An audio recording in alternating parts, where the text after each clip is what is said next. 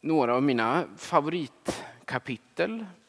Men också en väldigt intressant läsning om löftet och födelsen av två söner. Och dessa två berättelser om prästen Sakarias som tjänstgör i Jerusalems tempel och där möter en Herrens ängel som berättar för honom att han ska bli far till en son och att han ska ge honom namnet varvas med den om den unga kvinnan Maria, jungfrun, som också hon får ta emot ett budskap om att föda en son som hon ska ge namnet Jesus. finns många paralleller, många olikheter på hur Sakarias och Maria till exempel reagerar på dessa änglabesök. Kommer återkomma, beröra det senare, men stanna där för, för det är ingen, ingen text eller ingen bibel, inget bibelstudium, ingen utläggning av dessa två kapitlen som, som, eh, som, som det här ska handla om så att säga. Men det jag vill säga med den här lilla inledningen är att samtliga de personer som vi möter i Lukas två första kapitel, Maria och hennes brudgum Josef, Sakarias och hans hustru Elisabet och lite senare där mot slutet av kapitlet, de två gamla fromma i templet, Hanna och Symeon, brukar räknas till de som i Saltaren benämns som de, som benämns som de stilla i landet. De stilla i landet. I den 35 salmen som dessa nämns. Och detta var, var ingen enhetlig grupp som egentligen lika lite som, som fariseerna var en, en strikt enhetlig grupp. Men det var en ganska spretig grupp Eh, och därför tror jag att den, just det här uttrycket nämns mycket sällan, så det är kanske inget uttryck så, så att säga som vi, vi slänger, med oss, slänger oss med eller tänker på. Men ordet användes om fromma människor på Jesu tid som inte följde tidsandan utan i stillhet och ödmjukhet satte sitt hopp till Gud och väntade på Messias. De följde inte någon av de stora fariseiska skolorna eller sådär utan var vanligt, fromt bönefolk. Intressant är att namnet på den stad där Jesus växte upp, Nasaret, anses ha fått sitt namn från en sådan grupp av så att säga stilla i landet. En grupp Davidsättlingar som efter exilen i Babylonien slog sig ner, byggde upp staden, bosatte sig där och gav den namnet Nasaret. Och Nasaret betyder, menar man, rotskott. rotskott. Och syftar då på den här gruppens kopplingar tillbaka till kung David. Så kan vi tänka in allting som sades om kung David och hans rotskott i apostlagärningarna, epistelläsningen idag. Och därför när Matteus i sin redogörelse av Jesu uppväxt skriver att Josef tog med sig sin familj till Nasaret och bosatte sig där för att Jesus skulle kallas Nazare. Så är det denna koppling som vi förväntas känna till. Den är lite oväntad för hela Matteus inledning bygger på att skriftord ska uppfyllas. Den tror jag vanligaste formuleringen är detta hände för att det som sagts genom profeten skulle sägas. Och så kommer man med förväntan att här ska vi hitta ett profetord för han ska kallas Nazaré. Men den som letar går bet på ett, eh, i jakten på ett ord. Men känner vi till den här historien om Nasaret, rotskottet, släktskapet med David, blir det tydligt för oss. Ja, han är rotskottet. Och här skymtar vi något av vad den här predikan då ska handla om. Inte en textutläggning av Lukas 1 och 2, utan namn. Namn. Eller egentligen ja, delvis Johannes namn, men framförallt Jesu namn som vi redan har fått lovsjunga idag. Upphöja, prisa Jesu namn. Inget annat namn kan ge frälsning, säger Petrus i Apostlagärningarna 3 eller 4. kan ni slå upp hemma. Namn som namn kanske vi kan tycka spelar väl ingen roll vilka namn vi har. Och så verkade det också vara där i Juda bergsbygd där grannar och släktingar till Sakarias och Elisabet hade samlats på den åttonde dagen, den judiska omskärelse och namngivningsdagen. Det är också den egentliga anledningen till att nyårsdagen är en kristen högtid. Kristen firningsdag då vi firar minnet av Jesu omskärelse och som det heter i evangelieboken Jesu namn. Som vi så finurligt också får gå in varje nytt år under Jesu namn. Det var den dagen som Jesus omskars gav sitt namn, det namn som ängeln hade uppenbarat både för Maria och för Josef. Men Så berättar Lukas i evangeliet idag att släktingarna och grannarna till Sakarias och Elisabet tyckte att den nyfödde pojken skulle ha namn efter sin far.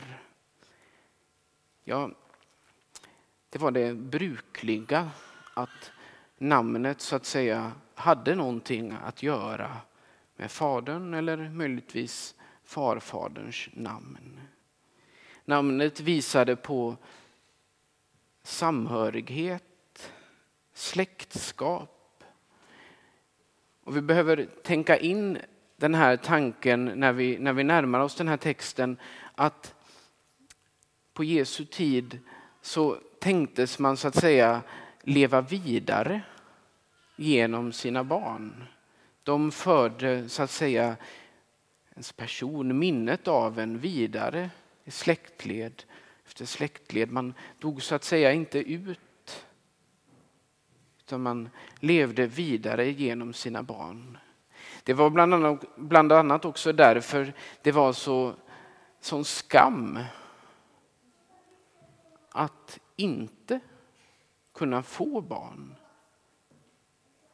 För om jag inte får några barn då kan ju så att säga ingen bära vidare detta.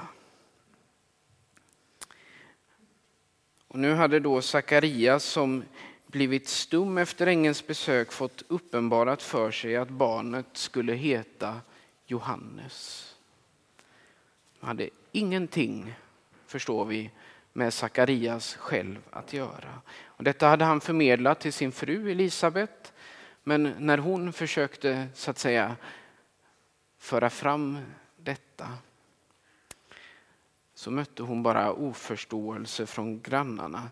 Men det finns ju ingen i din släkt som bär detta namnet. Det är ungefär lika dumt som eh, när någon annan vill försöka namnge ens barn idag. Föräldrarnas Eh, uppgift. Den här med, med lite speciella omständigheter då med änglabesök och så vidare. Men så får Sakarias den skrifttavla, den skrivtavla som han under nio månaders tid, tänk på det, under nio månaders tid har den här skrivtavlan varit hans enda kommunikationsväg med Elisabet och med omvärlden. Och han skriver Johannes. Namn som namn? Nej, riktigt så enkelt är det inte. Och tillbaka till de nyblivna föräldrarna. De om några vet vilken, först vilken stor gåva det är att få ta emot ett barn. Men också det här att ge namn till sitt barn är en stor, glädjefull, ibland också svår uppgift. Men ingen annan ska göra det. Jag brukar när jag träffar föräldrar i dopsamtal alltid be dem berätta om vilka namn de har gett sina barn. Eller ska säga, det vet jag ju för det, det, har jag fått på en blankett. Men jag vill höra historien bakom. Jag vill höra om den där morbror Gösta eller, eh, eller mormor Stina eller vad det kan vara. För det handlar, namn handlar någonting om vilka vi är. Vår koppling bakåt. Johannes borde ju heta Sakarias.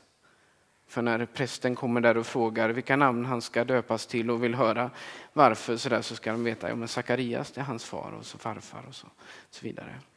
Och oftast finns det ju andra historier här också som berättar att det var när vi mötte det här namnet. Eller det här trodde jag att min, min man, han skulle bara skratta åt det här namnet, men det blev det. Eller, poängen är att bakom många namn, särskilt tilltalsnamn, så finns det liksom en, en liten historia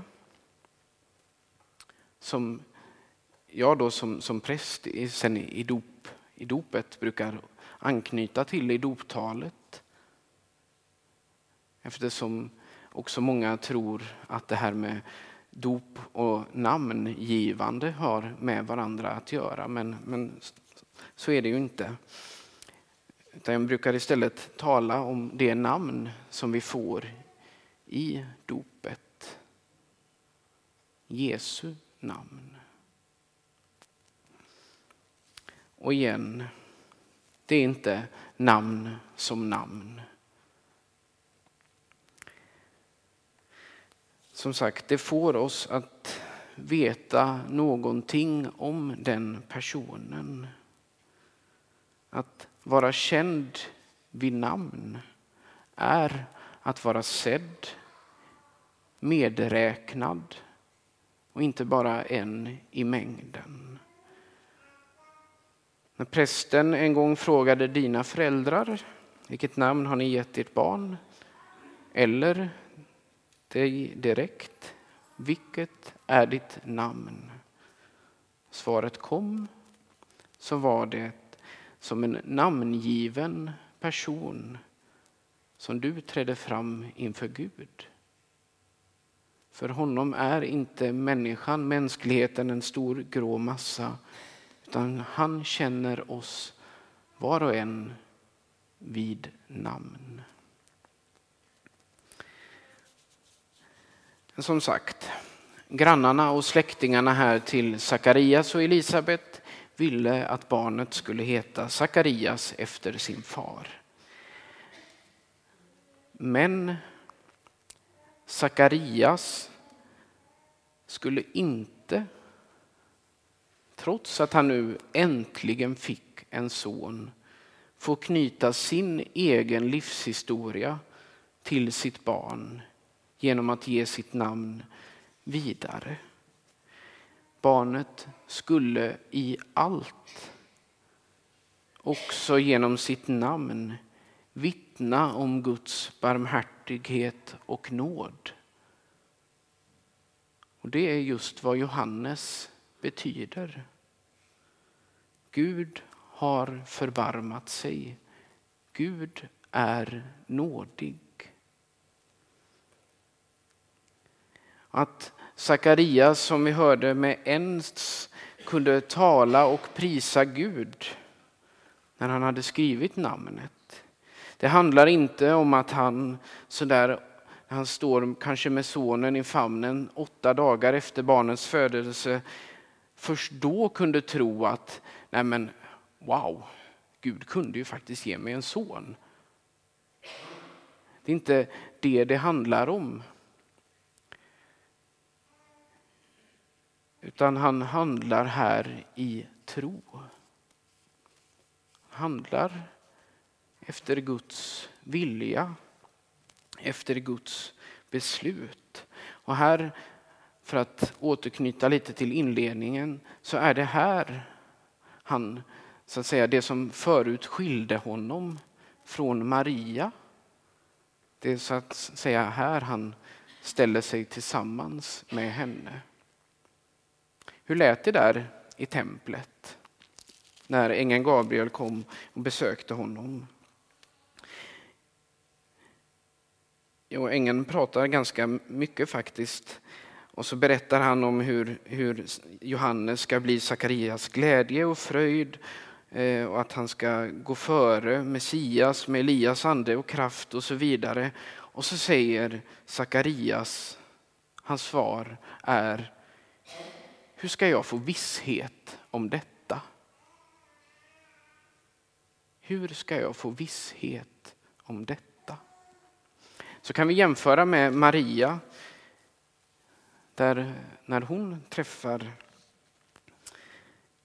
ängeln Gabriel sex månader senare. Kanske vi känner till bättre den här historien. Samma sätt, ängeln pratar på, var inte rädd Maria och så vidare och så vidare. Eh, hon pratar om att din son eh, ska härska över Jakobs hus för evigt och hans välde aldrig ska ta slut. Vad säger Maria då? Hur ska detta ske? Och det slog mig att, att jag tidigare ofta har läst det här som en, som en slags invändning. Hur ska detta ske? Som att nej men det här kan ju inte hända. Men om vi läser det med, så att säga, redan här en, en förväntan. Ja, men hur ska det ske? Så blir det väldigt stor skillnad jämfört med Sakarias. Ja, men hur ska jag få visshet om detta? Men sen, vad blir det, tre månader och åtta dagar senare när han skriver Johannes på den där skrivtavlan som varit hans enda kontaktväg med omvärlden. Förutom då kanske att Elia, Elisabet var en god hustru och kände kanske sin man bättre än, än vad man kan känna sig själv ibland.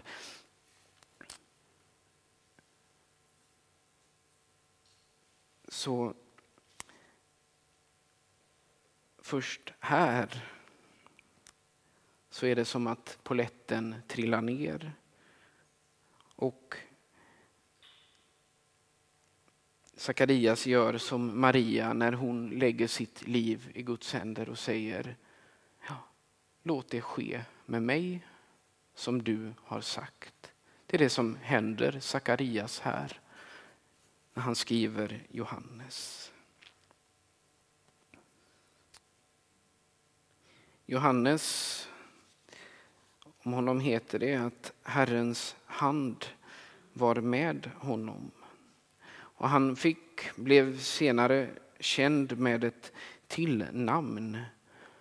Ett smeknamn eller beskrivning om vem han är. Johannes döparen, Johannes förelöparen. Han skulle bereda mark för Kristus, Messias, honom som de stilla i landet väntade på. Det är det som Sakarias lovsång som följer här på evangelieläsningen mynnar ut i. Välsignad är Herren, Israels Gud, som besöker sitt folk och ger det frihet. Han reser för oss frälsningens horn i sin tjänare Davids släkt. Och lite senare, och du mitt barn ska kallas den högstes profet, ty du ska gå före Herren och bana väg för honom kan vi påminna oss en sak till om Jesus, vem han är. Han är frälsningens horn. Vilket märkligt uttryck. Vad betyder det? Det syftar på de fyra horn som fanns på vart och ett av hörnen på altaret. Det altare som restes i templet enligt Guds befallning och som så att säga var en, eh, en frihetsplats för den som hade gjort något fel. Dit man kunde fly också för att komma undan ett, ett dödsstraff om man hade slagit ihjäl någon. Det finns en, en berättelse om, om det i, i Gamla testamentet som eftersom det är under mänskliga förhållanden slutar med att den som har gripit i, i frälsningens zon, när han väl går från templet så blir han ihjälslagen. Men som sagt, det, det är under mänskliga villkor. Poängen är den att när du, när du döps, när du får Jesu namn, när ditt namn blir känt, en relation sätts, så griper du frälsningens horn, Jesus.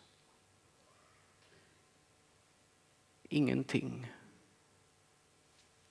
Ingenting kan skada dig, din relation till honom.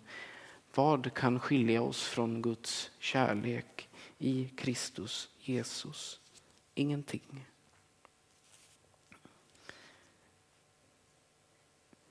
Gud verkar inte planlöst utan enligt sitt rådslut.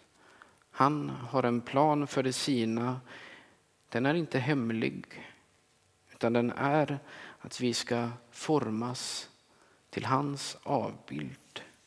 Till detta hör att få lära känna hans namn, Jesus, och att han får lära känna vårt. Att formas till hans avbild är att leva i gemenskap med honom, följa honom, göra som han säger.